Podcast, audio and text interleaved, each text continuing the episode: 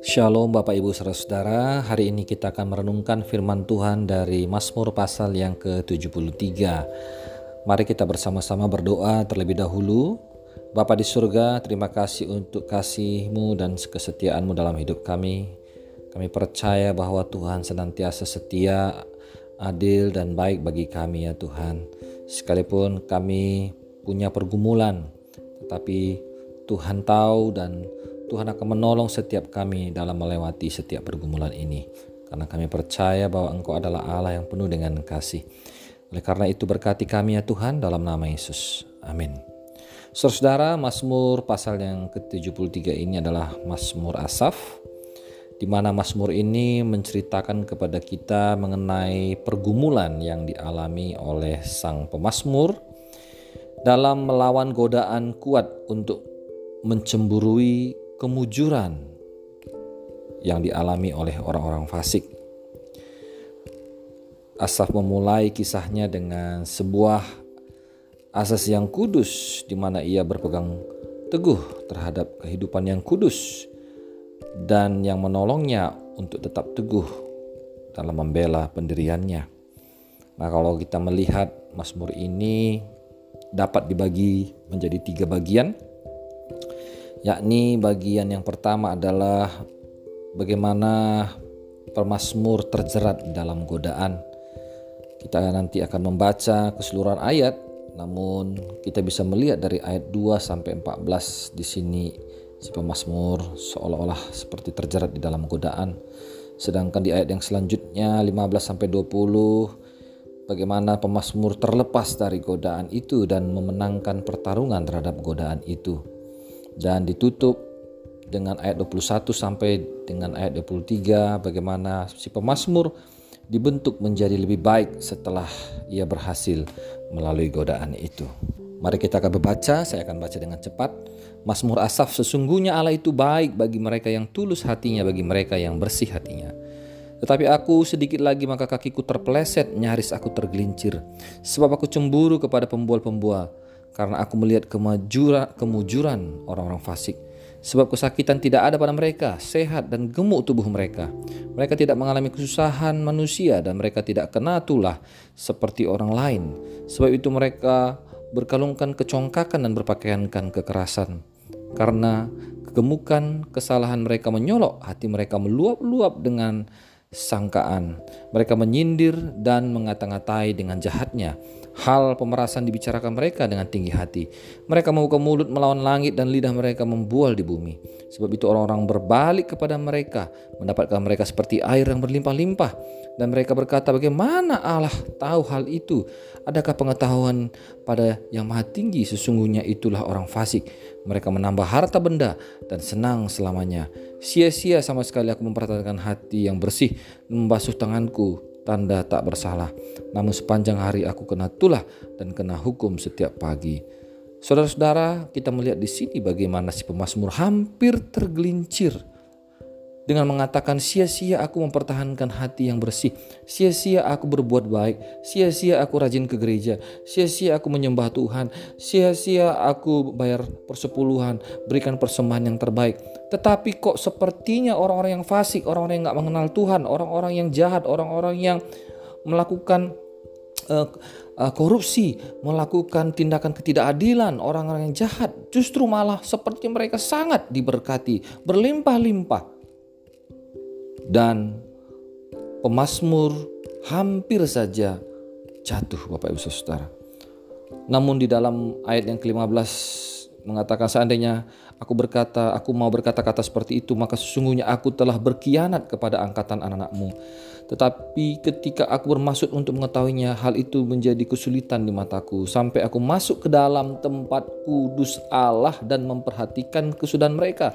Ayat ini sangat menarik di mana sampai pemazmur betul-betul masuk ke dalam tempat kudus Allah, bertemu dengan Allah, berjumpa dengan Allah, dan Allah menunjukkan bagaimana kesudahan hidup orang-orang yang fasik. Memang betul, mereka seperti seolah-olah sangat diberkati, berlimpah-limpah, sekalipun mereka hidup fasik. Tetapi Tuhan menunjukkan kepada pemazmur bagaimana kesudahan mereka. Bagaimana kesudahan mereka?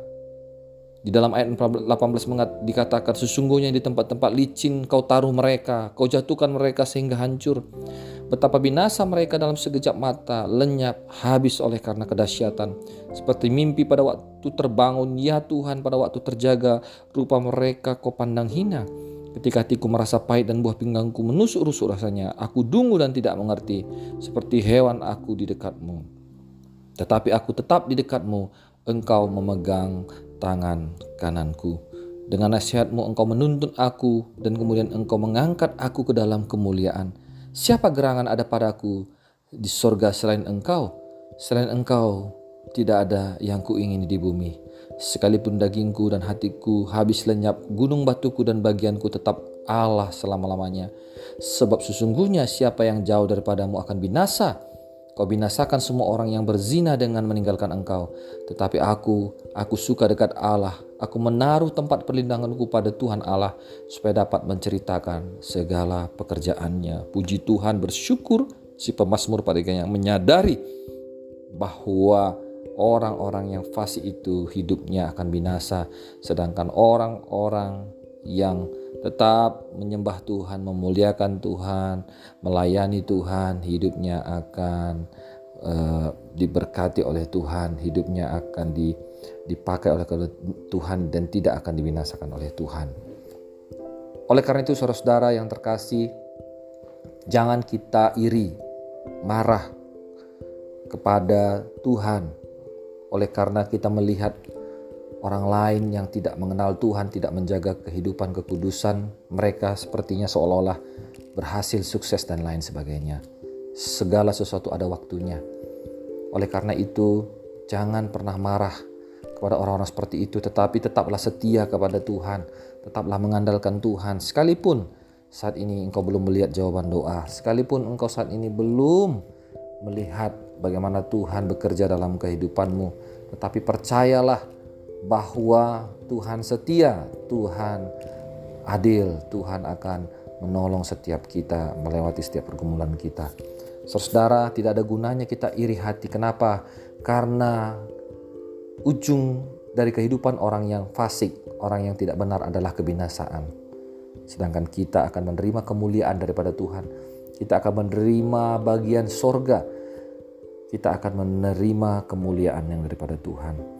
Oleh karena itu Mazmur ini mengingatkan kita untuk tetap hidup kudus, untuk hidup bersih hati dan tulus hati, tetap melayani Tuhan, tetap ikut Tuhan. Apa pun yang terjadi, jangan ikut-ikutan. Biasanya kita itu selalu ikut-ikutan dengan tren atau kita ikut-ikutan dengan orang. Ah, semua orang kok berdosa, semua kok orang tidak ke gereja, semua kok orang uh, korupsi, semua kok orang berbuat jahat. Aneh kalau aku sendiri tidak berbuat jahat, aneh kalau aku tidak sendiri yang korupsi, aneh kalau aku tidak sendiri yang yang ber, uh, berbuat jahat. Orang akan menolakku, orang akan mengucilkan aku. Saudara tetap jaga kehidupan kita. Jangan sampai kita tergelincir, jangan sampai kita meninggalkan Tuhan. Tetaplah setia kepada Tuhan, tetaplah melayani Tuhan, tetap mengikut Tuhan. Dan saya percaya biarlah firman Tuhan ini terus mengingatkan kita agar kita tetap setia dan mengasihi Tuhan. Puji Tuhan, biarlah firman Tuhan ini memberkati setiap kita. Bapa di surga, kami percaya bahwa Engkau memberkati setiap kami dan kami tidak mau iri marah kepada orang-orang yang fasik karena segala sesuatu itu memiliki waktunya. Dan kami percaya Tuhan bahwa Tuhan senantiasa juga akan menolong kami dalam setiap pergumulan kami. Dalam nama Yesus kami berdoa. Amin.